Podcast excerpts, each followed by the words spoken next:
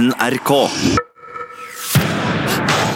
Soccer is very popular all over the world, especially in Russia. Heia VM! P3s Heia fotball følger fotball-VM 2018. Ja, da, da, da.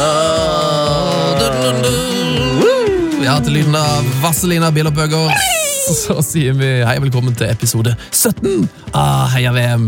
Ja, eh, det må jeg jo ta på min egen eh, kappe. Tar man det på sin egen kappe? Ja, Ja, hvorfor ikke? Hvorfor ikke? Jeg gjør det. Eh, jeg sa jo feil eh, i går. Det er glemt allerede. Går det bra med gutten? Du, Det går helt eh, strålende. Jeg er veldig veldig fornøyd med innsatsen til våre lyttere fyttere og førstegangslyttere som har vært inn på J. Pickford1, scrolla seg ned, for så å scrolle seg opp og se til høyre, og da finne bildet av Jordan Pickford, som har ut som Ali G in the house. Det er altså over 224 eh, kommentarer her nå, som, eh, der det står 'Det kommer hjem'. Det er vakkert! Det er så deilig at vi er med og bidrar til det her VM-et. Jeg håper de, de må jo legge merke til det, tenker jeg. Når, det, når både han og Maguire har fått 700 det kommer hjem-kommentarer nå. Ja, de må jo begynne å lure. Det tror jeg faktisk. Og jeg tenker, altså, det her er ikke en oppfordring, det her gjør man hvis man vil, men jeg, jeg fikk en veldig fin eh, eh, obs, obs fra en helsebror på Instagram, som eh, skrev «Dette er også et bra bilde». Uh, og det er også fra 2012, som uh, Pickford har lagt ut da, uh, rett etter eh, allergy-bildet. Der han har fått en eh, skjorte, eh, som det står her. Bussing to got Joe Harts shirt today.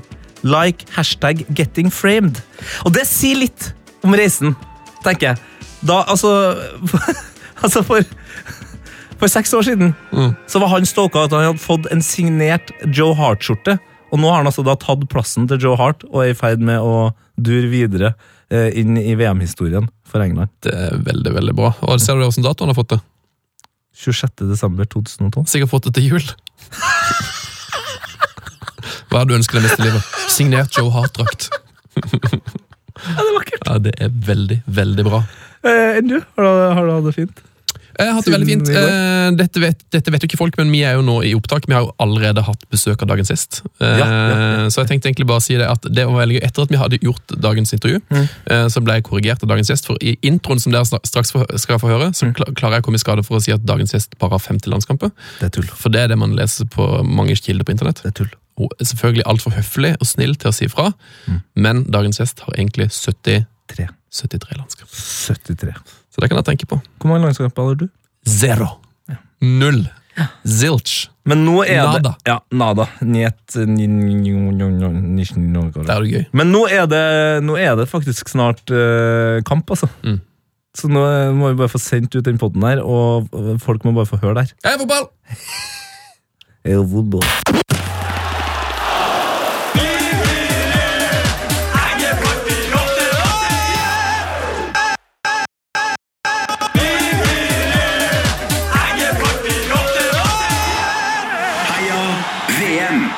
P3s Heia fotball. Ja, det, Jeg begynte å savne Iran litt nå. ja det, den jingelen her gjør jo at du savner det som har vært, og gruer deg til det som skal komme. Ja, men vi kan ikke grue oss eh, til det som kommer. Det er jo altså så mye å glede seg til. Jo da, det er sant, men jeg tenker forbi eh, de to deler semifinalene, eh, VM-finalen og ikke minst dagens gjest. Og bronsefinalen. Eller du er kanskje ikke du gleder så mye til? Jeg er ikke en eh, bronsefinalemann, eh, Sunne. Jeg mener at man skal spille for å vinne. Ok. Da, eh, uff, den, den merker jeg at den debatten der skal vi ikke ta. Dagens gjest eh, hun har eh, Wikipedia-sider på fire forskjellige språk. Hun er en historisk person allerede. Det er ganske stille. Hun er altså den første kvinnelige kommentator i et fotball-VM på norsk TV noensinne. Eh, hun har likevel eh, sett seg nødt til å si opp den jobben for å ta fatt på viktigere oppgaver til høsten. Eh, hun har over 50 landskamper for Norge. Eh, Hun har vunnet cupgull i både Norge og Sverige, og er vår første gjest som er blitt seriemester med Umeå. Eh, hun er visstnok, dette er litt gøy, ekstremt distré, men allikevel så jobber hun med ganske ryddige jobber som eh, hun er for eksempel advokat med lisens til å vigsle. og hun jobber som rådgiver for Norges Bank og skal snart ta over jobben til Nils Johan Semb. Lise Klaveness, velkommen til oss. Tusen takk. Det det stemmer at du er ganske distré, eller? Eh, ja, det, det må jeg bare stå for, altså. Eh, Jeg eh, er det. Jeg jeg- prøvde å finne noe forbehold. Er det litt for at du har såpass eh, seriøse jobber at når du da liksom ikke jobber, så bare slipper du helt løs? Ja, jeg liker å tenke sånn, men jeg eh, hadde på en måte lista med meg i barnehagen og klypa på vottene. Altså, det er nok en medfødt eh, greie, men eh, jeg liker jo veldig godt struktur i, i hodet og teoretisk. Og på jobb, det er jo noe jeg står for, men i privatlivet så blir det liksom helt frislipp, da. Så det, det er noe Det er noe der. Noe er det i hvert fall. Så, deilig. Du skal ta over eh, jobben til Nils Johan Sem. Jeg lurer på, Har du planer om å bli like solbrun som han? Du, det, jeg, har, jeg har egentlig lyst til å prøve på det, men jeg har jo ikke pigmenter. eh, Men her om dagen så var jeg på badestranden, for då, nå har vi jo sånn at vi kan spraye beina når vi skal på TV. og Jeg, jeg skyller jo pigmenter. Ja. Men det som er dumt med det, er når du tar på deg bikinien, så blir det et veldig tydelig skille. Så du gikk rundt med Nils Johan Sem bein og Lise Klavenes overkropp. Det, det, var, det var flaut. Ja, Det er utrolig Men beina var finest, da. Ja, de, de var finest, altså. Ja, det vil jeg si. Så jeg skulle ønske jeg eh, Det å være brun Jeg merka det når jeg tok på som spray, at det gir jo en helt annen selvtillit. Jeg hadde jo Livet hadde jo vært annerledes med den brunfargen, men det, det er utilgjengelig for meg, rett og slett. Men det er jo det du ikke vet. Det kan jo godt være at han eh, godeste Semp har et sånn eh, fullt sånn spray... Et kabinett, ja. ja. sånn kabinett på, på kontoret. Ja, det er det, det. Altså, jeg har gjort det der spraygreiene en gang, og det, det var virkelig sånn Rossi Friends-greie. Det var altfor mørkt. Og det var sterke reaksjoner ute blant folk. Hva vet du om den nye jobben, egentlig?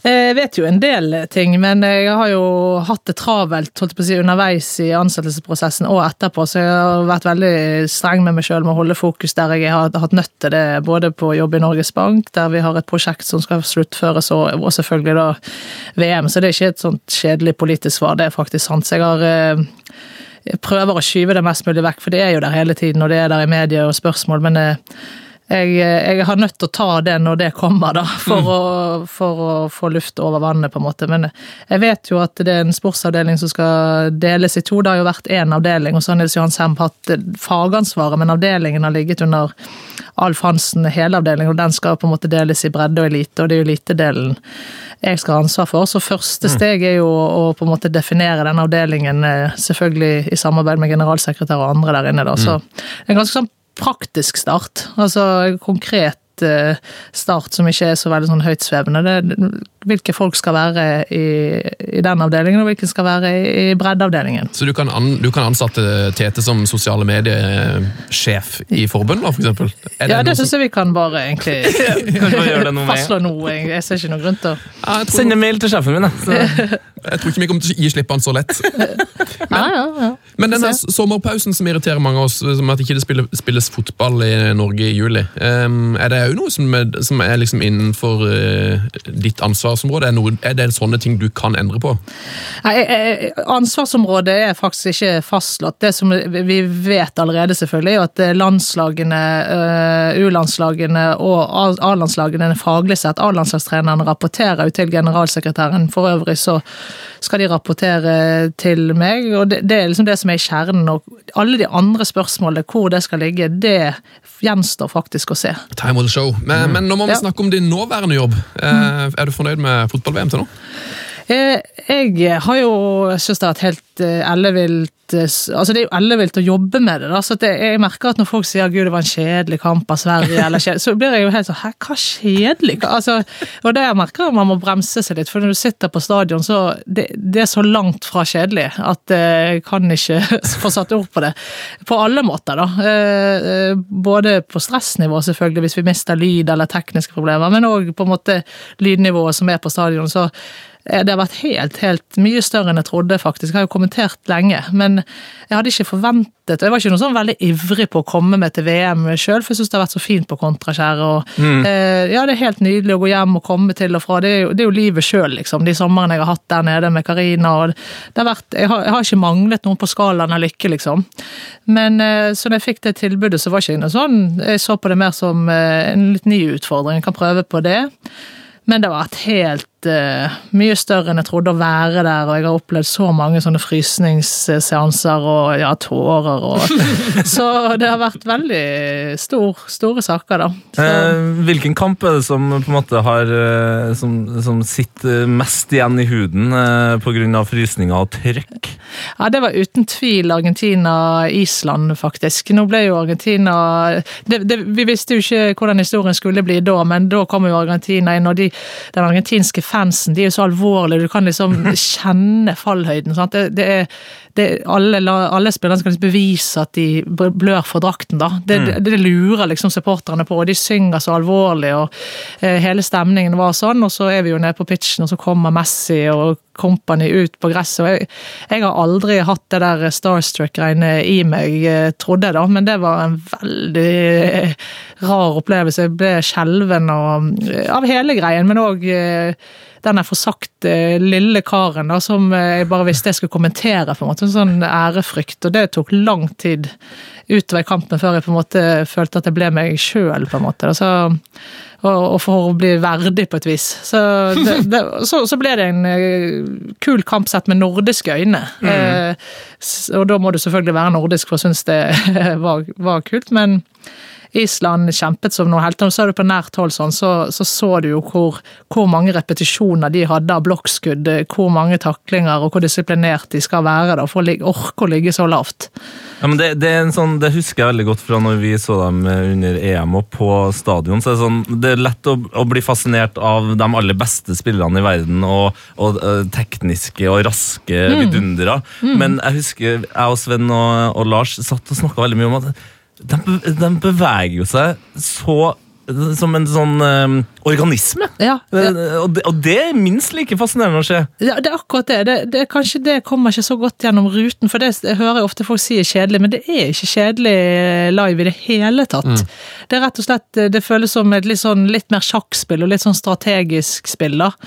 Så, og de var veldig dyktige på å ikke ta alle kontringene, så det var litt sånn spennende å se hvor tid de klarte å få med to eller flere, for først da gikk de.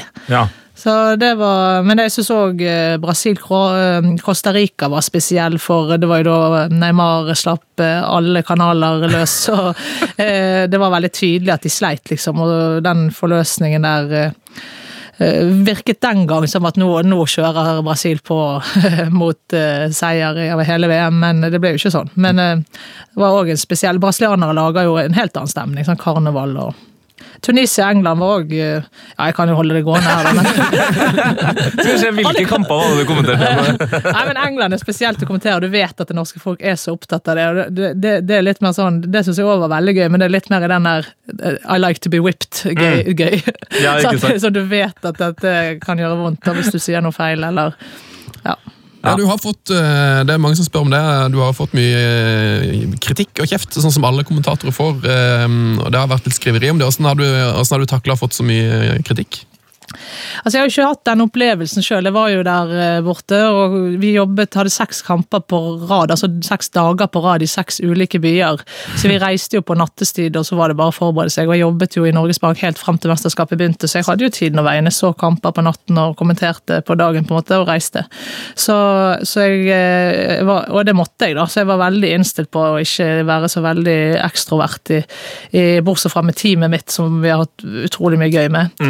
Men så kommer jo det artikler, og det kommer jo til eh, meg òg, og da, da var jeg på en måte bare mer sånn Det er dette jeg Jeg visste det kom, og, og på, et, på en, en eller annen forkledning, da, så visste jeg at det kom, og, og prøvde bare å ikke sette meg sjøl som hovedperson i det, og tenke at dette handler om andre ting enn meg, og det må få utspille sin ja, sin eh, dramaturgi på et vis. Eh, Det er ikke sånn at jeg ikke har følelser oppi dette, her, men alle kommentatorer eh, Det, er jo veldig intenst, på en måte, så, så jeg, var, jeg visste at det, det viktigste for meg vil være at jeg leverer det jeg mener jeg skal levere. Da. Og det, jeg har jo et litt bevisst forhold til hva en ekspert skal gjøre, og det er jo først og fremst for meg, sånn som jeg tenker det, å komme med på en måte en analyse av hvorfor ting skjer, og da må man jo kunne fakta for å kunne analysere bildet. Så jeg hadde liksom tiden og veien å få, få de verktøyene jeg trenger for å gjøre det jeg mener jeg skal, da.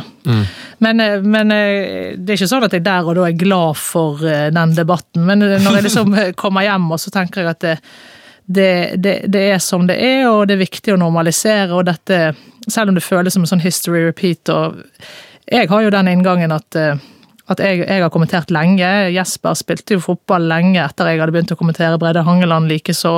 Mario Skjelbæk er 27 år. Og, så, så at jeg har jo i min verden eh, en opplevelse av at jeg er, eh, er veldig rutinert nå. Så det, det hjelper jo å tenke at jeg er en stor, stor jente, og at dette handler om de som kommer etter meg. da. At vi må liksom få bukt med det, sånn at de som Det er jo på en måte en, en pioner eller førstemann eller kvinnes eh, forbannelse. Det, her, det, det, det samme eh, med, med Skjelbæk og Jesper Mathisen, som er et veldig ungt kommentatorpar, fikk jo også mye uh, mye kjeft fordi de er så unge. da, altså bare sånn, Hva kan de her uh, tilby? Men så, så folk liksom glemmer at man må bare høre på hva som foregår, og så ta det ut derifra, istedenfor at du er den første uh, dama som kommenterer. Det er liksom Ja, det er rituelt, sant. Så all, all forandring Det betyr ikke at ikke noe av kritikken er berettiget, men, men eh, det som er på en måte helt ut, ytterst på pendelsvingene, vil jo, vil jo ofte være et eh, Hva skal jeg si, toppen av eh, Om ikke et isfjell, en, en tendens. Holdninger er ikke på en måte svart-hvitt, så hvis det kommer mye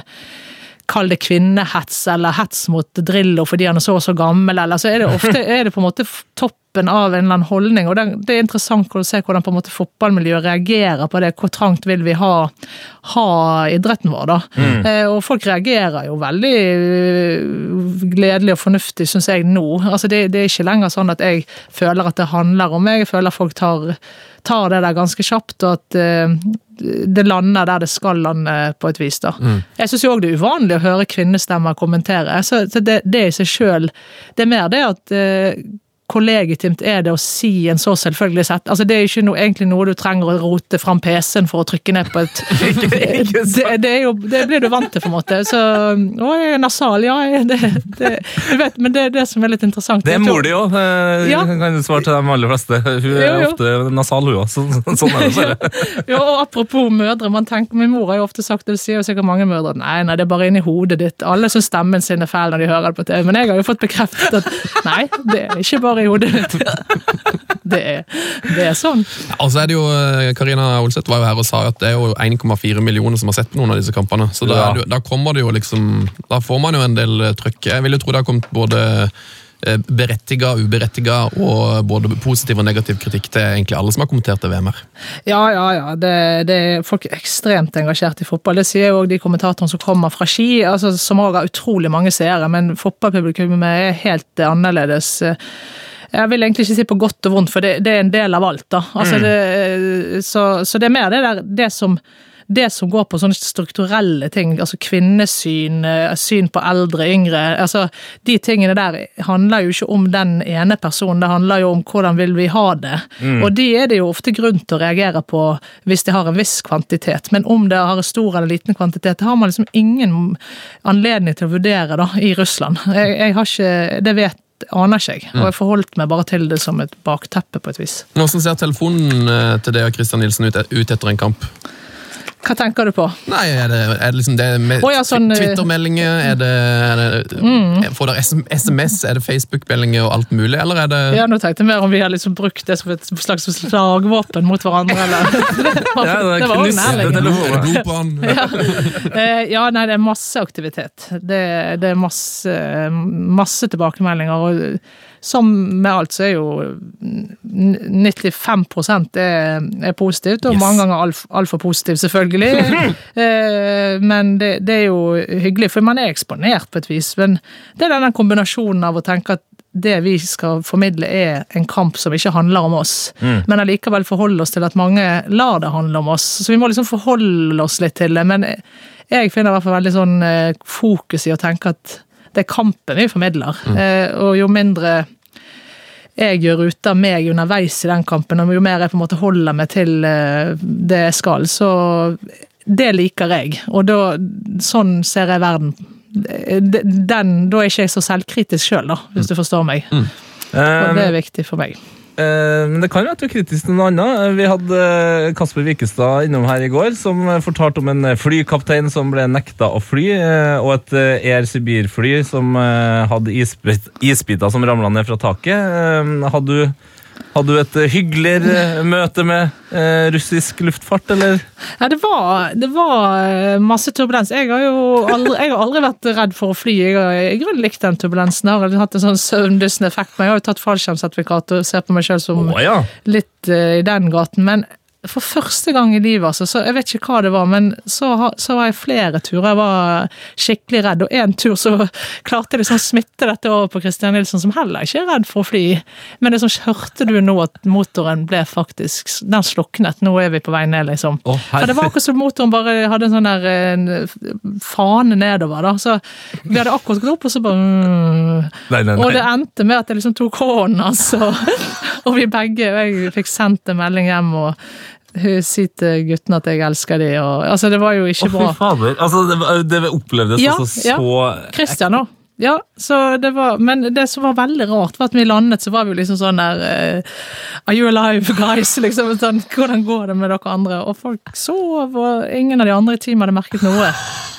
Så vi Jeg lurer på om det er søvn eller hva det var, men det hadde, andre turer hadde vært veldig turbulente. Og det, så, med hele reiseopplegget var det, det er jo andre på en måte kulturer for transport.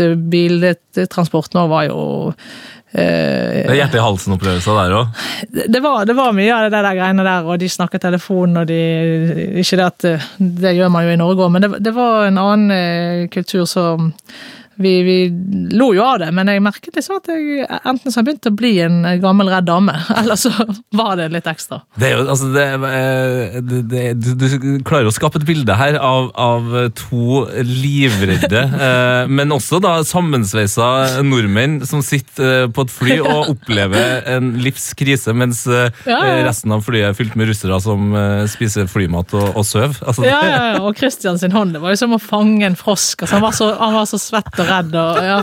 Nei, det var reelt, det der greiene. Men jeg har lurt på hvordan man reagerer når man liksom tror flyet styrter. Og det, Det vet du nå. Jeg, jeg er veldig glad for at jeg brukte anledning til å sende en melding hjem. da. At Ja. det, det var det jeg, jeg Hva skal de med den? på en måte, men Å, fy fader. Nær døden, rett og slett. ja, det var jo ikke så veldig nære, da. men... Eh, Hvem hvem var den eh, verste sjåføren der hadde, da? Ja, vi hadde, vet du hva vi hadde, Der har vi en eh, liste som ikke ligner noe som helst. Det begynte eh, egentlig greit, eh, men da fikk vi liksom ikke kommunisert hvor vi skulle, og de kjørte veldig mye feil. Kunne ikke ett ord engelsk. Så ba vi liksom om en engelskspråklig eh, type, for det var ofte menn som kjørte disse bilene. Og da fikk vi en som egentlig var ganske god i England, men overhodet ikke kjøredyktig. Så da, da ble vi liksom ok, nå har vi fått en engelskspråklig, men ikke sjåfør, og så prøvde vi kan vi få til en kombo, men da fikk vi en som ikke kunne noen av delene, da som eh, vår reporter kalte for Tove en eller annen grunn. Han het Alex, men så det ble Tove, og han hadde vi resten. så Tove han kunne ikke snakke engelsk eller kjøre bil. Virkelig. Utrolig spesielt. Eh, Du, du og Kristian hadde eh, visstnok også en slags reisepakt. Stemmer det? Ja, Vi hadde en reisepakt, for eh, jeg er jo litt distré og går gjerne i mine egne tanker og har veldig dårlig retningssans. Så det visste Christian, og det har folk reist med meg før i NRK og visst at det liksom jeg, jeg følger flokken. Og det gode er at jeg har ikke noen sånn veldig meninger rundt dette, jeg følger bare. Men da, er det viktig å vente, ikke sånn møtes på stadionaktig. Vi må kjøre sammen og sånn. og Det, det hadde vi veldig sånn konkret pakt på. Men eh, en, en eller annen dag så misforsto jeg tidspunktet og kom for seint til shufflebussen til stadion. og det går, en, eh, det går flere, men det er en som er siste ganske lenge før kamp. Og da hadde jo den eh, godeste kollegaen satt seg om bord og på en måte tenkt ja, ja, da får finne veien fram sjøl, og bare glemt hele den her pakten vår, da. Og jeg ringte jo han, og eh, jeg var jo på en måte veldig redd for å ikke finne fram, men jeg var først og fremst meget fornærmet. Sånn, hvor, hvor er du? Liksom. Jeg er nå på bussen. Ja, du er der, du. Ja, men jeg er her, og Ja, ja, men du kommer jo ikke, og Nei, så det gjorde at jeg fant fram faktisk til fots, rett og slett for jeg, jeg så fram til å sette øynene i han. Eh, og det var i Sotsji, da var luftfuktigheten enorm, da, så jeg var sånn dryppende hund jeg kom fram. og bare...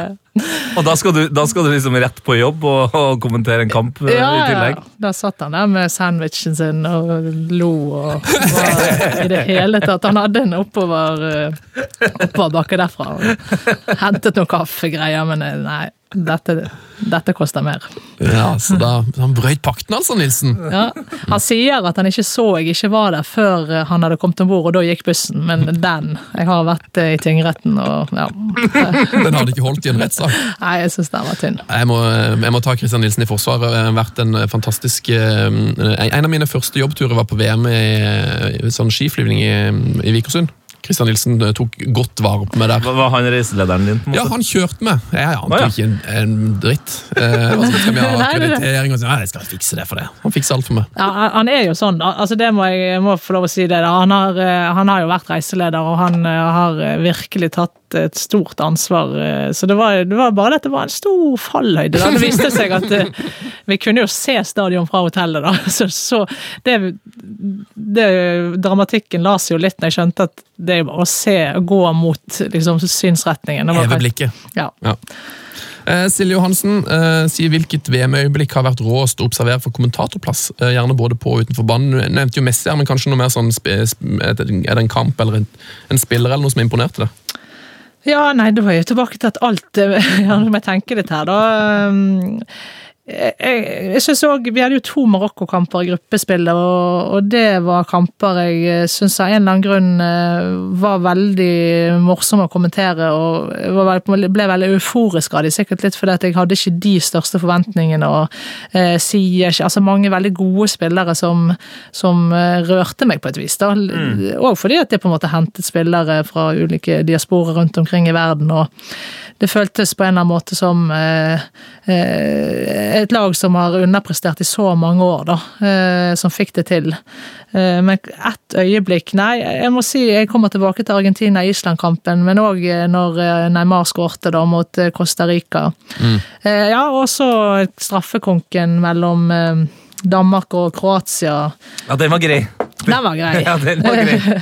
Schmeichel der og hele den, hele den kampen, egentlig, som mange syntes var kjedelig, men som jeg syntes var veldig interessant å se hvordan Danmark klarte å nøytralisere midtbanen til eh, Kroatia. Men, men hele straffekonken, hvordan de presterte, de keeperne, og, og så nervøs som Modric var.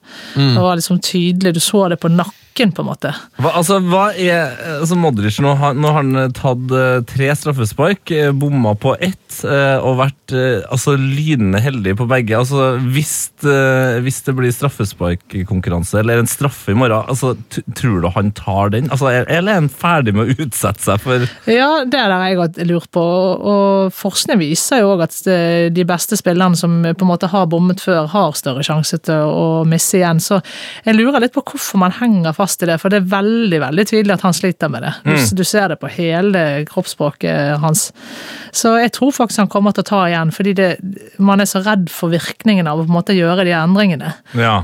Men jeg tror det For det hadde vært greit å skyve Rakitic foran, som, som ser ut som han koser seg Ja. hver gang han tar det straffesparket. Ja, jeg er helt enig. Det, det, det er jo Du ser liksom at eh, ansiktet bare vrenger seg, og ja. Uff. Det Nei, er eh, vondt. eh, Du har, har du tatt noen straffespark sjøl i Ja, jeg tok jo straffe, eh, holdt jeg på å si, fast, og har en veldig, veldig dårlig statistikk, da. Altså, du kan kjenne deg igjen der? Jeg kjenner veldig igjen. Jeg- jeg lurer litt på hvorfor jeg alltid gjorde det, men jeg hadde nok den opplevelsen mens jeg spilte, at jeg tok ansvar. Altså, folk ville ikke ta straffe. Men jeg har hørt folk si i ettertid at de rakk liksom ikke å ta ansvar, for jeg gjorde det alltid. Men jeg opplevde at det var, og det sier jo gjerne noen mennesker, at eh, det var, jeg syntes det var stille kjempelenge, og og jeg Ja. ville virkelig ikke. Og så ok, da gjør jeg det. Mens opplevelsen til lagvenninnene mine var at eh, det gikk veldig kort tid, og at eh, jeg, jeg tok ansvar veldig fort. Ja. Og før de rakk å egentlig tenke at de kunne gjøre det. Så, og sånn, Jeg kan synes at ventepauser er veldig veldig lang, lenge, da.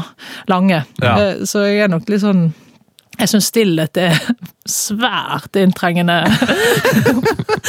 Men, eh, men eh, har du liksom ett straffebom som, som fortsatt bare Altså, jeg har hatt så mange. Men jeg, tror ikke, jeg tror ikke jeg hadde sånn veldig langt over 50 eh, eh, Men faktisk, alle de straffekonkene jeg har vært med i, så har jeg truffet. Siste var jo siste kamp jeg spilte, var i cupfinalen 2011, og da, da vant vi på straffekonkurranse mot Rød, og da tok jeg og skårte.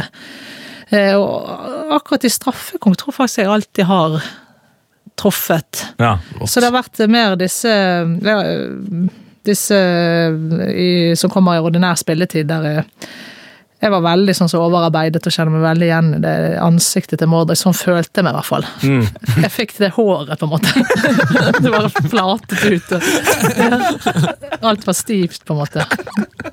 Eh, Har du noe, eh, på en måte, har du no, Hadde du noen sånn eh, fast plan for hvordan du tok straffe? Man leser jo om spillere som har bestemt seg for å gjøre det på forhånd. og Det er det, det, er det som er altså man, Noen sier du skal se på keeper, da tenker jeg at man må prøve det sjøl. Det er alltid farlig å snakke om dette når man kommer fra kvinnesiden, for da sier folk liksom, har, du, har du opplevd det presset? Men jeg kan i hvert fall si at jeg opplevde det presset jeg hadde stort nok, da. Så, Ja, ja. så, så jeg trengte ikke mer.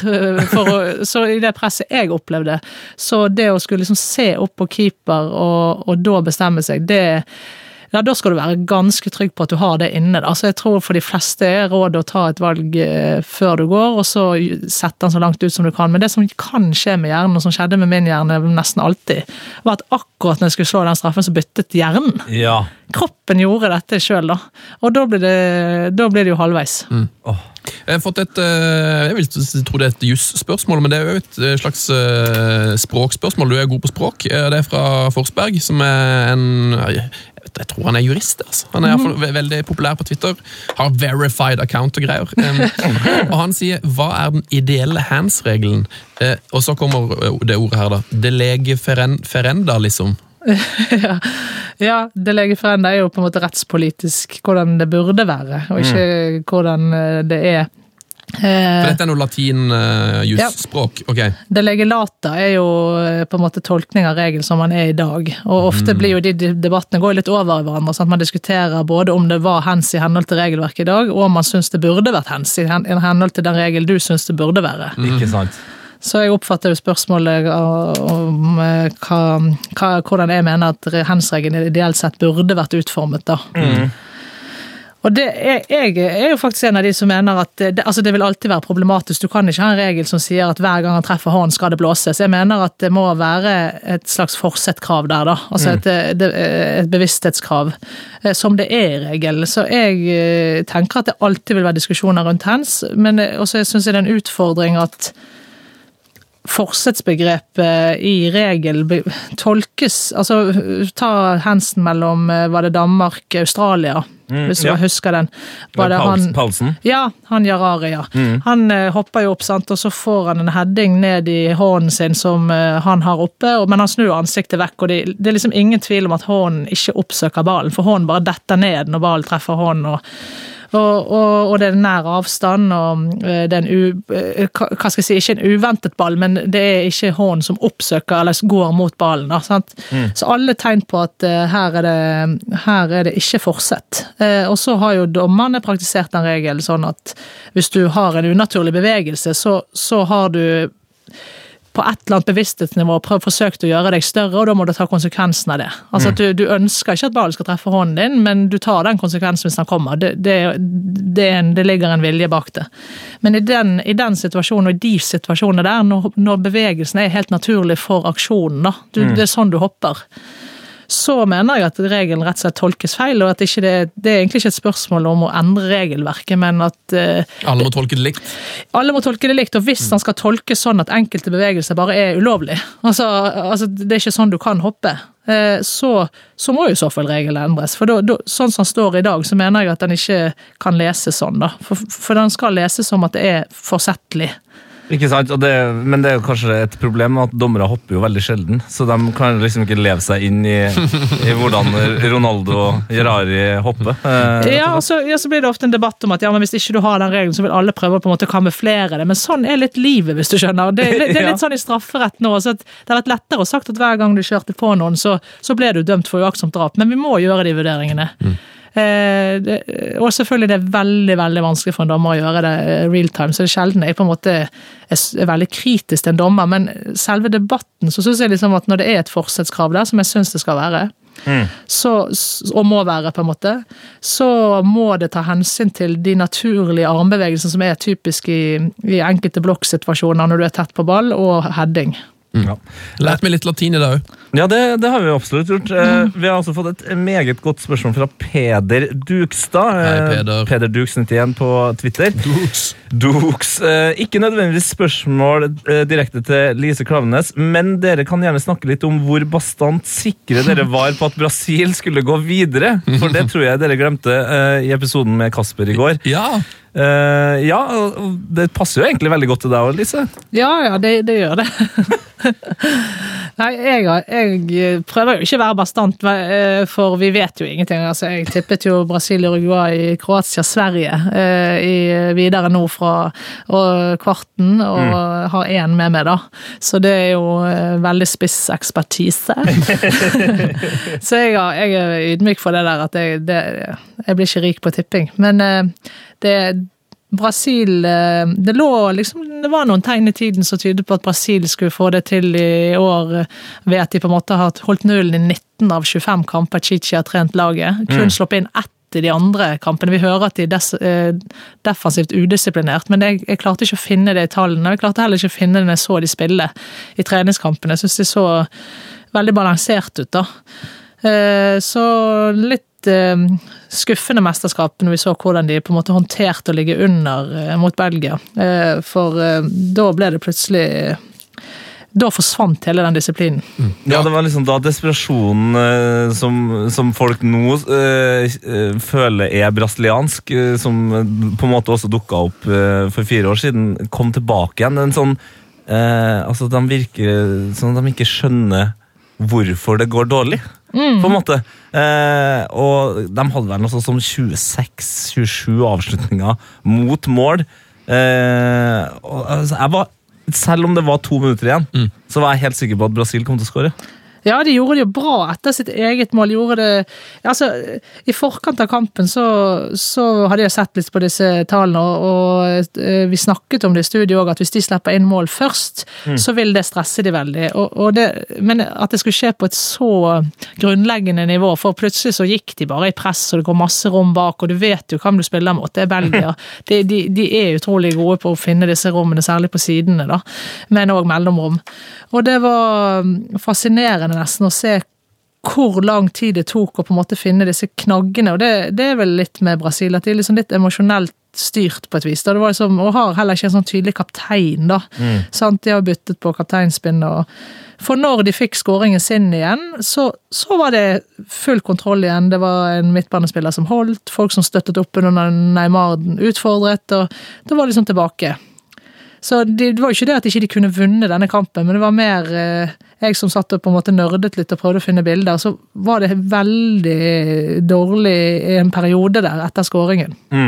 Ja, for det, altså, Han sier at vi var veldig bastant sikre på at Brasil skulle gå videre. og sånn Sett i ettertid så mener jeg fortsatt egentlig at, at eh, Du kan fortsette å være bestandt? Ja, ja. Ja, vi har fortsatt rett, Ja, men jeg faktisk. synes, altså, sånn er jo fotball, det er veldig små marginer, men Brasil var jo på en måte best eh, i stor del av kampen, og hadde de fått det målet som de da ikke klarte mot slutten, for det Courtois sto en kjempekamp, så ja også, tror jeg de hadde vunnet. I det VM her så har vi måttet forholde oss til VAR. Eh, Sist Premier League-sesong så måtte jo sakte, men sikkert til og med jeg forholde meg til expected goals. eh, Og ut ifra expected goals så, Brasil, så hadde jo Brasil vunnet den kampen ti av ti ganger. Eh, Men så skjer det jo av og til at man bare ikke får den, eh, den ballen. Så eh, som svar til Peder, vi er fortsatt bastant.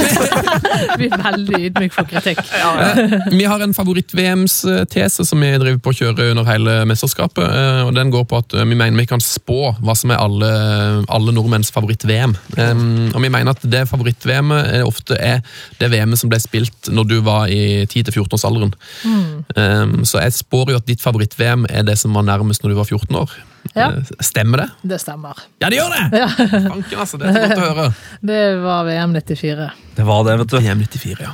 Og da var jeg vel 13, da. Ja. Ja. Og det, men er det noe sånn spesielt du husker fra det VM-et?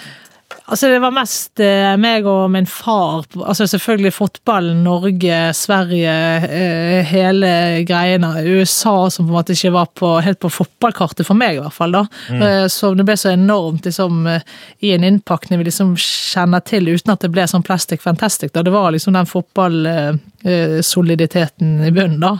Som jeg forbandt med VM, og for så vidt gjør ennå. Man får jo noen sprekker i den fasaden når man blir litt eldre og tenker på mye, mye annet, da. Men, eh, òg meg og min far som sto opp på natten og malte norske flagg i ansiktet. og Det var veldig stort, liksom. Det var sånn det var, det var en sånn følelse av at her skjer det svært viktige ting hver natt. på Altså, Det er unntakstilstand, liksom. ja, og, og, og jeg skjønte at det var viktig for pappa at jeg var der, og eh, selvfølgelig bare sånn Ofte vil jo du ha kvalitetstid med barna dine når jeg har fått barn sjøl, og så er det ikke så gøy å leke de Supermann-lekene.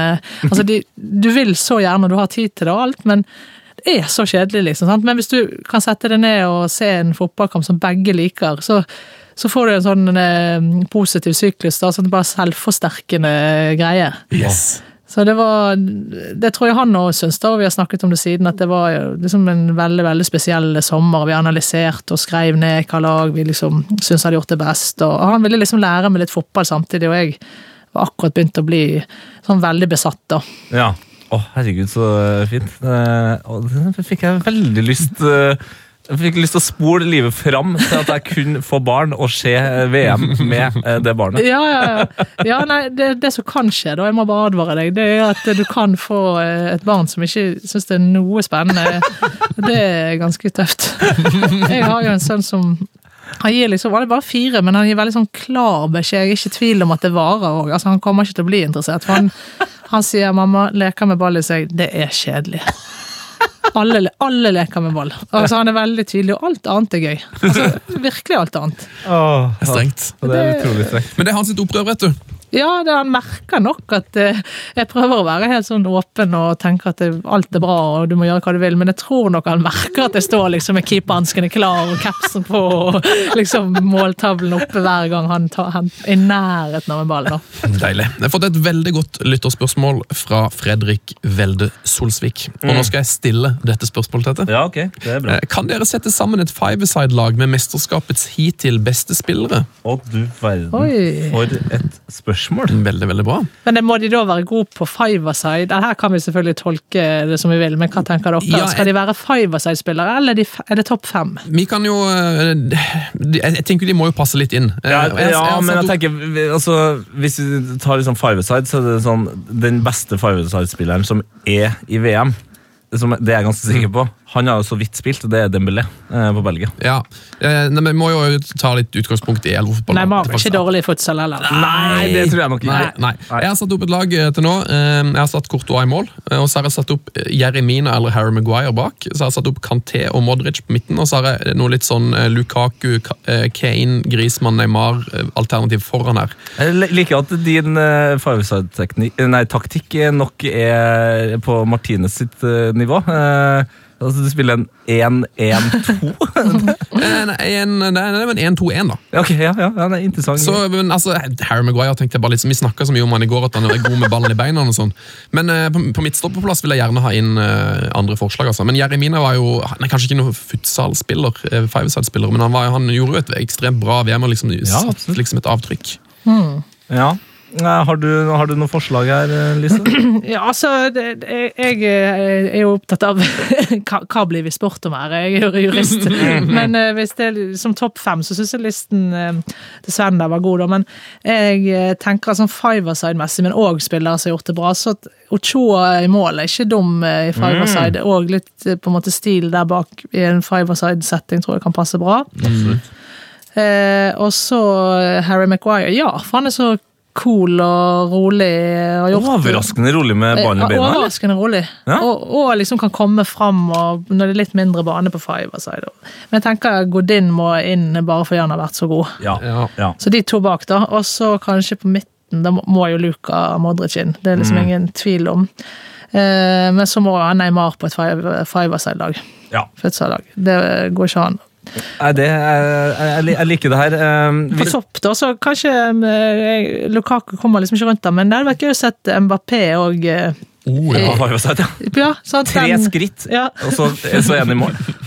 Det, det er vakkert. Jeg tenker jo med en gang eh, Jeg, spilte ganske mye Fireside sjøl da jeg var liten, eh, og det er ofte at man tenker at man var også der kanskje lurt å være stor og sterk, men kanskje med unntak av Dembélé, som er akkurat det. så tenker jeg at det er Kanté. Altså det, Ja. Five-a-side er Canté-show, og han har også vært Han har vært så god for Frankrike at vi ikke har uh, egentlig tenkt så veldig mye over det. Mm. Og det er da han er på sitt beste. ikke sant? Altså, Han er helt klart i elver. Altså beste elver. ja, Han har vært så god at Pogba har eh, begynt sakte, men sikkert å se litt ut som seg sjøl igjen. Eh, har mye mer tid med ball, mye mer ro, fordi han vet at hvis jeg fucker opp, som jeg ofte gjør, eh, fordi jeg prøver på vanskelige ting, så jeg kan til der og passe på. Jeg vil jo ha en shout til Casemiro. Det er jo litt sånn typisk at når VM er ferdig, så plukker man fra de to lagene som er til finalen. Men uh, han hadde jo et helt ekstremt bra mesterskap for Brasil før de røk ufortjent ut på Belgia. Ja, men på, på innbytterbekken, jeg mener liksom Five-a-side, nei. Men en spiller som jeg syns har likevel imponert meg veldig, da, det, som har fått mye tyn, er Markus Berg, faktisk, på Sverige. Han, eh, men det, det er mer eh, ute. Vi må ut, og det må ikke være, det må ikke være på stranden, da. Hva er det det like så godt med han i elverfotball? Nei, altså det er en sånn spiss du vil ha, som, bare, som tør å ja, kalle drite seg ut. Altså han, han, han setter seg sjøl på, på display hele tiden, tør å komme i de utsatte posisjonene. Og, og det burde selvfølgelig blitt en helt annen omsetning, men utrolig oppofrende. Lagd flest frispark, fått flest frispark, eller det vet ikke jeg om han har fått flest, men i hvert fall lagde flest i kampen mot Sveits. Og kom til utrolig mye sjanser eh, og skapte rom for de rundt seg. så i, i, I det laget der, da, så må du ha sånne spillere på topp. Men så syns jeg Jesse Lingard på England har gjort det har vært veldig veldig viktig for dem. Ja, men Det er litt sånn, eh, det føler jeg, i hvert fall med tanke på spissene. så Både ja, Berg, som du nevner her, Kavani, mm, Kane. Mm, ja, Spillere som er, egentlig i utgangspunktet du vet, bare står foran og i 16-meteren og dunker. altså Kane skyter jo alltid eh, når han eh, spiller Premier League, men har nesten ikke skutt i år, for, eller i VM-et, fordi det, de jobber mye mer for laget. Kavani sprang ned og takla. Altså, til slutt så så vi jo Neymar til og med springe ned og, og takle. Altså, det var en sånn at Spissene har på en måte jobba på en helt annen måte i laget enn en tidligere VM. Da. Så, Som har vært ganske sånn interessant å følge med på. Eh, Skal vi ta et lytterspørsmål fra Christian Hollund, da? Det er jo det viktigste spørsmålet. Ok. Hvem tror Lise at vinner VM? Ja, nå Jeg er liksom helt strippet for selvtillit, da. Ikke bare pga. pigmentmangel, men jeg har prøvd meg så, mange ganger. men Sånn som det ser ut nå, altså hvem som helst kan vinne disse lagene som er igjen. og det, Man vil jo kanskje tenke at Frankrike har det beste laget på papiret, men alle som så det i oppkjøringen, vet jo at det er på en måte hummer og kanari. Det, er topp og bunn, da. Så vi får se hva det blir. Belgia var jo ikke god mot Japan, men helt rå på skåringene, sant? særlig siste. Så det, det laget som har prestert jevnest, er jo kanskje Kroatia. De hadde jo ikke noe stor forestilling mot eh, Danmark, men de styrer på. Jeg har jo hatt et VMs beste spiller i Luka Modric. Jeg må liksom bare holde meg til de. Jeg ferierer i Kroatia og jeg, må bare ha en begrunnelse for men Jeg syns England òg har vært overbevisende. Jeg har ikke hatt den vanskeligste veien, men Eh, Jeg har jo plukka ut bilder og analyserer, og jeg har vært veldig veldig koordinert og offensivt. Det er alltid tredjebevegelser, f.eks. Det er ikke bare to som løper, men det er, det er to som løper i forhold til det første løpet. og Der er jo kanskje derfor jeg nevner Jesse Lingard spesielt. da. Han tar jo alltid det rommet folk forlater, og gjerne som nummer tre i et angrep. Så, men jeg, jeg går for eh, Kroatia, litt fordi eh, jeg ferierer der, men òg fordi eh, de har vært de mest stabile, og så har de Luka Modric. Ja, men Det er ikke så dumt, det. Og, altså, det VM-et her har vært på en måte underdogens VM, og jeg kikker nå på Oppda sin win prediction, og der er det da Frankrike som leder den med 41 eh, Belgia 21, Kroatia 20 og England 18. Så da er det vel England som vinner VM. da. Ja, vi får Time will show. Eh, eh, Dukes har et spørsmål til deg, Peder Dukstad. da. gjerne snakk litt om det her òg. Og Det er en video som jeg i hvert fall eh, vet eh, har vært eh, rundt på Twitter mye i det siste. Eh, det går på Diego Costa. Er Costa Snåsamann, eller er han bare seg selv lik? Eh, altså, Er han bare en litt fæl fyr? For Det er en video fra straffekonken til Spania der eh, Diego Costa går og sier til Hierro at han mener at Kåke ikke bør ta straffe. Eh, og Så brenner jo Kåke da denne straffen, og så går Diego Costa bort til Hierro etterpå og sier sånn Hva var det jeg sa? Oi! Hva var det jeg sa? Eh, Det er ganske lange klipp, og du ser Kosta bare står og sier sånn, nei, Kåke må ikke ta. Og jeg tror Kåke òg hører det på et eller annet tidspunkt. Det hjelper kanskje ikke. Jeg hørte det før han tok den. Ja, det ser litt sånn ut. De, de, liksom, de står i den uh, mølja og skal plukke straffeskyttere. Så sier Hierro sånn Kåke, du er nummer tre. Og så sier Kosta sånn Nei, kom igjen. bare Nei, skal Kåke ja, ta? Kosta står mellom Ramos og Kåke og sier bare sånn Nei, nei, nei. nei, nei, nei. Ja, ja, nei, da, da får vi jo aldri vite eh, på en måte svaret, for da har han jo på en måte påvirket begivenhetenes løp, da. Ved å Det er jo et veldig press i seg sjøl, og hvis han får en, en liten følelse av at folk ikke har tro på han, så har han jo allerede vært med å hvis det er tilfellet, da. Vært med å svekke sjansene. Eh, vi har fått et uh, lyttespørsmål fra uh, Bosk Kostoso. Er det, er det, er det såpass? Ja. Ja, det er såpass, ja. Fryktelig lite relevant fun fact i forbindelse med Harry, Harry Maguire her. Han hadde et helt vilt potensial i karrieremodus på Fifa 13. Eh, Jeg spilte fem-seks sesonger med Sheffield, rykket opp eh, to ganger og vant Premier League. Da vår mann til slutt ble solgt for 13 millioner euro eh, til et lag på kontinentet, han, så hadde han da plutselig 92 overall, noe som gjorde at han ble den beste forsvarsspilleren på spillet. Er det det som er i ferd med å skje i virkeligheten nå? Det er jo kanskje det store spørsmålet. Nå er vi i gutteprat, det merker jeg. Mens jeg trente, så spilte dere, på en måte. Ja, altså, det er jo ingen tvil om hvem som kom lengst som fotballspiller av oss eh, tre i studio her, men, eh, men eh, vi snakka jo litt om at vi har blitt imponert over hvor rolig han er med ballen, men, men eh, altså Sånne fotball, fotballspill og dataspill har jo en uh, veldig sånn klar tendens med å klare å spotte gode spillere. da. Fordi de scoutes jo av folk, og da settes det jo et eh, potensial der som kommer til syne i, i spillet. Så det er vel, han har jo hatt et, et talent, selvfølgelig. Absolutt. Ja, det er jo Skau i NRK-studio har jo brukt enhver anledning i pausene til å snakke om Harry Maguire, og at han har spådd han en stor fremtid. Og, så det, det er tydelig det at det er mm, flere som har tenkt på det. Han har i hvert fall gjort det veldig bra. Var jo eh, god mot Tunisia, har vært god hele veien, egentlig. Mot Ja. Sverige så vi at han på en måte, ved at han er så rolig, han bare venter de ut, da. Eh, litt uvanlig, kanskje, for England å være, i hvert fall. Ha så Altså, for Det er ikke fysikken som har fått han opp. Han har jo god fysikk, han har fått det etter hvert, men har vært litt tung og sånn. Men, men jeg på en måte har den der eh, litt zen-modusen i måten å spille på.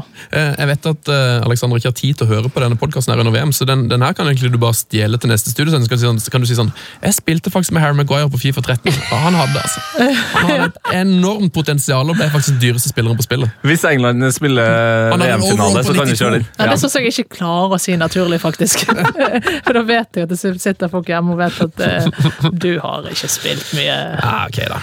Uh, har, du hørt, har du hørt på, på VM-lista vår? Jeg, jeg må være ærlig og si at jeg har ikke fått hørt på noe under VM. Det Altså. må være lov. Eh, men vi har altså lagd ei VM-liste som heter i Spotify. Eh, hva heter det? Tete? Heia fotball. VM 2018? Ja, du, nå, er, nå er den faktisk blitt så populær at jeg trenger bare å skrive 'hei'.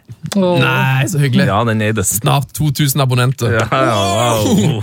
Og jeg tenkte vi skulle ta, oss og le, ta og varme litt opp til dagens storkamp, eh, semifinalen mellom Frankrike og Belgia, med å spille to låter fra hvert av landene. Det er jo to veldig sterke musikalske land her på fotballmusikken. Absolutt. Du har plukka to favoritter til oss, dette? Ja, eh, og jeg, har på en måte egentlig satt det opp litt sånn at eh, du må nesten heie på Belgia, eh, Sven, fordi jeg vet at det her er en av dine favorittlåter all time. Ja. nemlig Stroma og hans Tafet, som var vel en, slags Belgias følgesvenn under EM eh, 2016. VM 2014. Nei, VM 2014! Mm -hmm. ja, ja. Vi hører på den.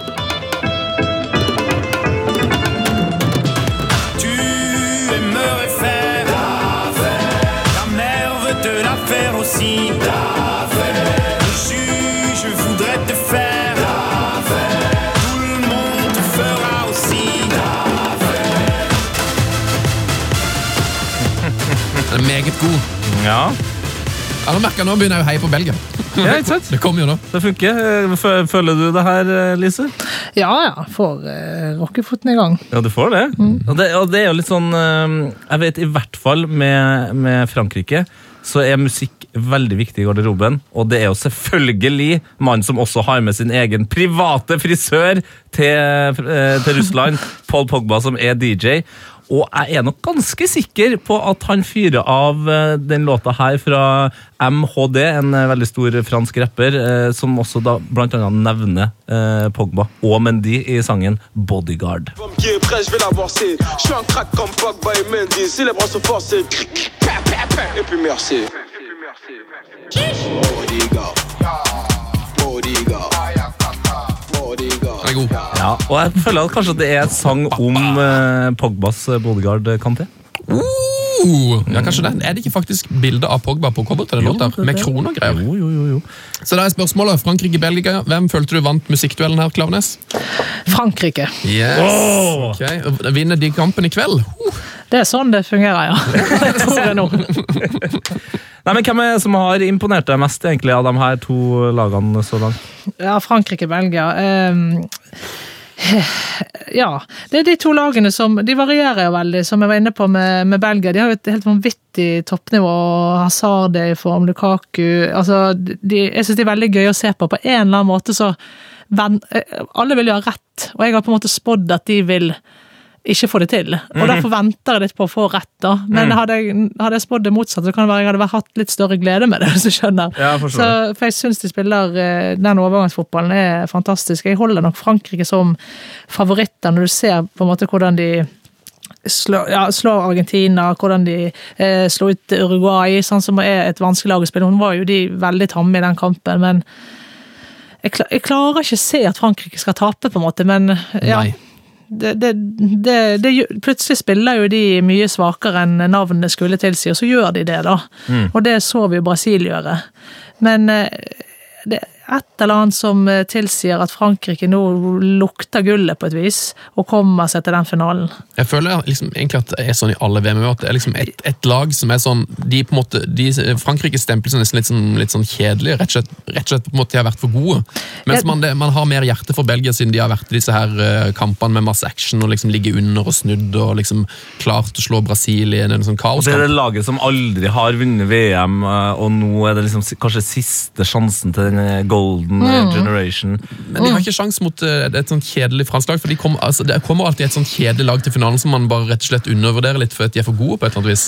Altså har jo, Belgia de har jo hatt en ekstrem defensiv ubalanse. og så er liksom, Når man sier det, så ja, men hvordan kan de da slå Brasil? Jo, men Sånn kan det faktisk være. Mot, mm. mot Japan var det helt vilt å se på hvilken ubalanse som var der. Altså På skåringen til Japan, husker jeg ikke om det var én en eller to der, men, men den ubalansen som er der, er helt vill. Og de strammet det absolutt til mot Brasil, men du var jo inne på det, Tete. Det var helt vilt hvor mange sjanser de likevel slapp til i motsatt ende. Så, og Det ser jo også Frankrike. Eh, og hvis Bra- Belgia strammer til for mye, så mister de kanskje noe offensivt. Og så jeg tenker nok at Frankrike har mer å spille på.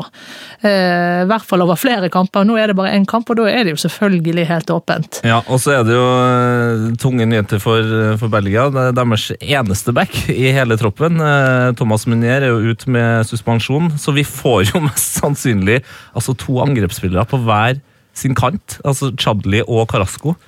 Og det er jo en eh, 19 år gammel eh, rakett, eh, fransk rakett, som eh, sikkert gnir seg i hendene av tanken på at han eh, kan legge seg bak en av dem to i løpet av kveldens kamp. Ja, og så har Kanté, som du var inne på, har prestert så godt. Du kan liksom ikke se for deg at de skal gå i oppløsning heller, sånn som, det, sånn som Brasil gjorde i de, korte deler, riktignok, men de gjorde det defensivt i enkelte deler av kampen. og Nei, akkurat der holder jeg Frankrike som eh, klar favoritt, da. Men Deilig. eh, det har jeg gjort eh, Ja. Jeg, som jeg sa, jeg er helt både bleik og uten selvtillit når det gjelder ja, fargen har gått av leggene nå, så da Ja, det bare skjer mens jeg snakker om det. da. Det bare flasser av. Jeg, jeg håper jo Deschamps vinner, for det, nå har jeg leta fram noe greier jeg har skrevet sjøl. Og i 2011 så spådde jeg at Didier Deschamps kom til å vinne eh, fotball-VM som trener. Gjorde du det i 2011? Ja. Eh, På en blogg, da? eller? hæ? På en blogg? På en da? blogg, ja. Oi, du verden. Skal jeg lese det? Ja, gjerne. Jeg, jeg, jeg dro han da fram som uh, historiens tyskeste fotballspiller. altså Han er altså midtbaneanker, det er jo ganske tysk. Eh, han har vunnet alt som er av trofé, og det har han gjort uten å bli svett. Jeg husker det, Han ble aldri svett, han har alltid sånn tørr sveis. Ja, ja. Han har vunnet Serie A, Copa Italia, Uefa Supercup pluss pluss pluss med Juve. Han har vunnet Ligue 1, CL med Marseille, FA-cupen for Chelsea, VM og EM for Frankrike. Var den yngste kapteinen i historien til å heve Champions League-trofeet. Veldig tysk. Litt sånn vinnertype, det her. Eh, han sto liksom bare inne i midtsirkelen i 16 år, sendte støttepasning og pekte. Skåra nesten aldri mål, spilte 103 landskamper for Frankrike, eh, uten å ha vært inne i motstanderen 16 meter en eneste gang. Klippa seg ofte eh, og hadde en ekstremt tysk og kjedelig sveis. Og I den tyske ånd så ble han manager etter endt karriere, leda Monaco til CL-finale 2004, hvor han tapte mot The Special One. Kommer garantert til å vinne VM som manager én gang i framtiden. Det har du også skrevet. Avslutta med å si prøvde å finne trivia om denne mannen, men så tyske folk som Didier Deschamps driver ikke med trivia. Men det er jo det er et veldig fint oppspark til noe av det som blir kanskje de eh, gøyeste historielinjene med den kampen her, og det er jo at det er jo virkelig duellenes kamp. Altså det, det, det er to naboland. Og så har du Deschamps og Henri på hver sin benk, som begge vant 98-VM for uh, 20 år siden. Og så er det jo spillere som uh, Fellaini og Pogba spiller i samme klubb. Uh, Kanté og Hazard spiller i samme klubb. Altså, det er liksom Det er veldig mye der, da. Det, det, er ekstremt mye, mye spenning. Og så Courtois Giroud. Courtois Giroud, ikke sant? Blir det straffe? Straffesparkkonkurranse? Hvem er det som slår uh, hvem her? Uh, men så er det jo også det der at folk har Jeg føler at folk har en sånn enorm forventning at den kampen her blir så målrik. Og det tror jeg kanskje kan bli litt skuffende, altså. Ja, nei, jeg, jeg tør som sagt ikke å Men det, det er jo ikke Altså, vi må jo bygge spådommer hvis det skal være noe vits, da, så må man jo bygge det på tidligere hendelser sant? Og, og se de mot hverandre. Og de har jo skåret mye, eh, disse to lagene. Og Belgia har en ubalanse, men jeg tror heller ikke at det liksom med, med så gode sisteskanser og eh, med så god kunnskap om hverandre at det på en måte bare åpner alle sluser. Men at det blir 0-0 etter ordinær tid, det vil faktisk overraske meg, da. Ja, nei, vi får se. Jeg tror, jeg, jeg tror Frankrike drar i land en sånn, nok en kjedelig 2-0. nå, Og folk bare sånn Åh, kampen ble ødelagt av det tidlige målet. Keep it up. All right, vi går til en uh, fast spalte, gutten.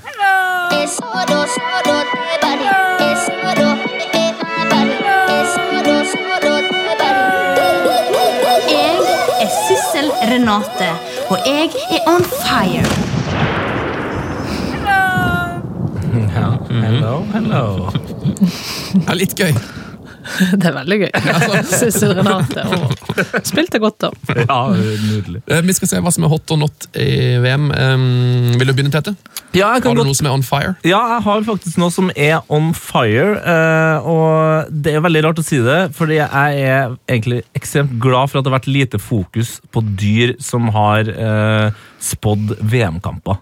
Det, det har vært uh, blekkspruter og rever og den slags som har drevet med det her før. Eh, men nå er det altså da en bjørn eh, ved navn Pamir, eh, russisk. Hei, Pamir. Hei, Pamir, 11 15 år, som da har fått denne oppgaven med å spå kamper i, i Russland. Men jeg har liksom ikke gidda å bry meg så veldig mye om det. Fram til jeg så et bilde som jeg nå har lagt ut på vår Insta-story, der han eh, velger eh, Belgia i den kampen her. Og med en gang så tenker man at ja, ja, det var jo helt tilfeldig at han tok akkurat den kanna eh, med det flagget på.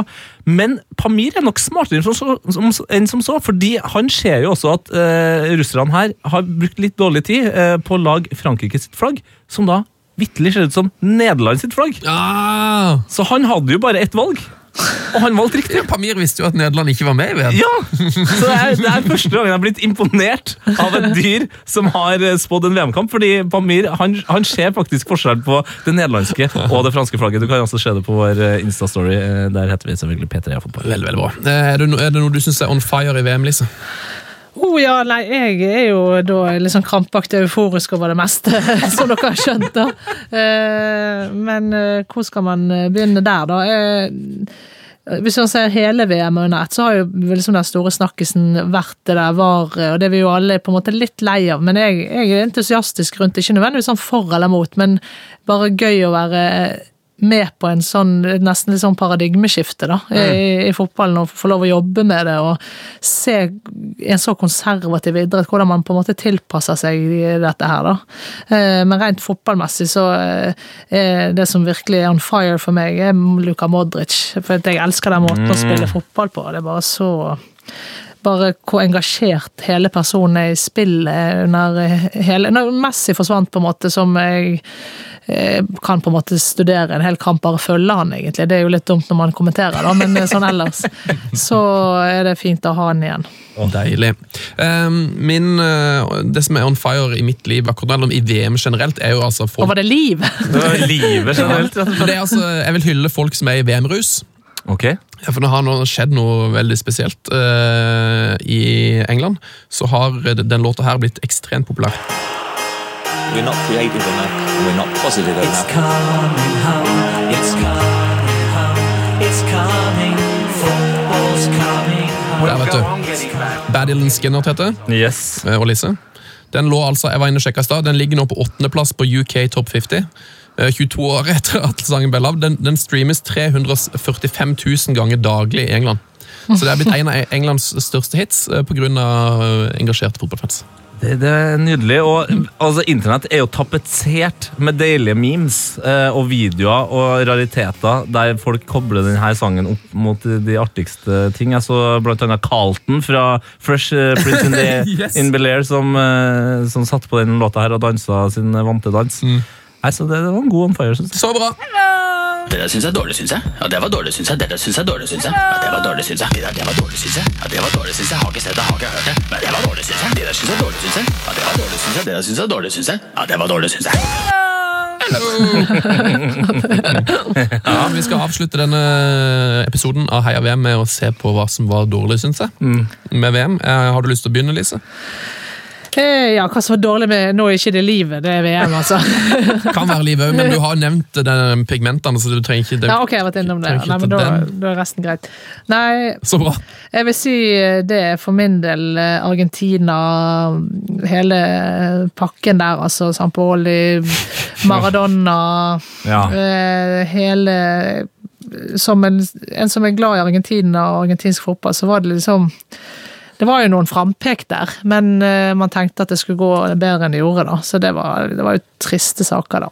Ja, De kom, de kom veldig dårlig ut av VM, eh, når du ser Ja. det i som et helt stort bilde. eh, Der du nevner liksom både San Paolo og Maradona, men så også på sånn Marcerano som kanskje egentlig tok ut noen lag her, men aldri egentlig skulle ha spilt utpå her sjøl. Altså det, Ja, og det var liksom det motsatte av eh, lagspill, da. Eh, og det kan være litt sånn klisjéaktig, men du ser når det bare ikke går den veien hvor nesten litt dumt det kan se ut. mm. Jeg tror altså, I framtida kommer folk til å se tilbake på liksom sånne toppskårerliste og liksom verdens beste spillerliste, og så kommer de til å se på VM så sånn Hva skjedde med Argentina? Altså, de hadde liksom Higuain, Dybala, Icardi, Messi, Ja. Aguero De hadde liksom fem av verdens beste spisser. Så bare, Hva skjedde i VM? Nei, det, De bare røk ut drittidlig, og det var helt krise, og alle var uvenner, og ingen spilte. Det, ene, det eneste man må gjøre, er å se den Frankrike-Argentina-kampen. Tenk deg å gjøre det for første gang om, om 20 år, da. Faen, for en gavepakke. Du har sett den allerede to ganger. Ja, det har jeg. Det har jeg. Um, min dårlig, syns jeg, har overskrifta 'nazisokker'. Jeg er spent. Ja, nei, altså det, det er jo du hadde det på hot, da hadde jeg blitt mer nervøs. Ja, det hadde vært litt spesielt, men eh, det er jo nesten litt kjedelig å eh, eh, peke mot Fifa, men jeg gjør det nå likevel. Eh, for eh, Sverige fikk altså da 507 000 kroner i bot for å bruke feil type sokker.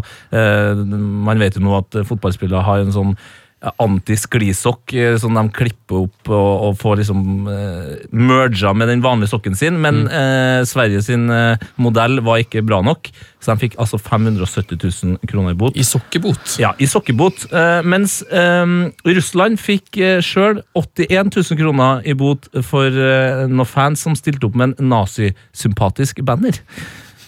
Så der, det er der lista Ja. ligger for Fifa, da. Bare sånn. Vi får jo håpe at boten hadde blitt litt større hvis det var russiske spillerne som stilte opp med kanskje med, med nazisymbol på sokken. Ja. Så det, det er nok liksom Ja. noe der òg, da. At, uh, hvem, hvem det er som gjør det. Ja, så det var akkurat det at uh, i all uh, Nå kom juristen inn, vet du. Ja, jeg, sant? Men det var, all, eh, den, eh, det var dårlig, syns jeg. Så jeg er jo da, som Lise er, veldig glad for at eh, Russland aldri stilte i nazisokker. Ja. Enn din, da, Sunne? Eh, Nei, det er dessverre um, så enkelt som at jeg, jeg syns det er dårlig at VM er snart til slutt. Syns de kunne holdt på litt lenger. Eh, Jeg har faktisk, ja, men jeg har, det, er, det er ingen som støtter meg på det, her, da, men eh, at man kanskje burde vurdert sånn som Maridana Cup, som B-sluttspill. har ikke det vært konge nå? Tete er jo mot bronsefinale, Ja, liksom. Hvor er du der? Nei, B-sluttspill er noe av det flaueste jeg har vært med opp gjennom min uh, korte fotballkarriere Alle tredje- og fjerdeplassene gikk videre, og så fikk jeg et sånn ekstra sluttspill som kunne gått på hviledagene. Jeg var han fyren som fikk eh, rødt kort med vilje i første B-sluttspillkamp eh, for å slippe ydmykelsen. Jeg var en av de som pleide å skåre mine få mål i B-sluttspillet. Det var på en måte my time to shine. Ja, men Da er du Markus Berg, sant? Så da tør du. Sant? Det, det handler om selve spillet og ikke meritten. Og det, det støtter jeg deg i, Sven. Det, Fantastisk. Ja. Tenk deg Panama Ja. i B-sluttspillet. det er bedre å skåre enn ikke skåre, på en måte.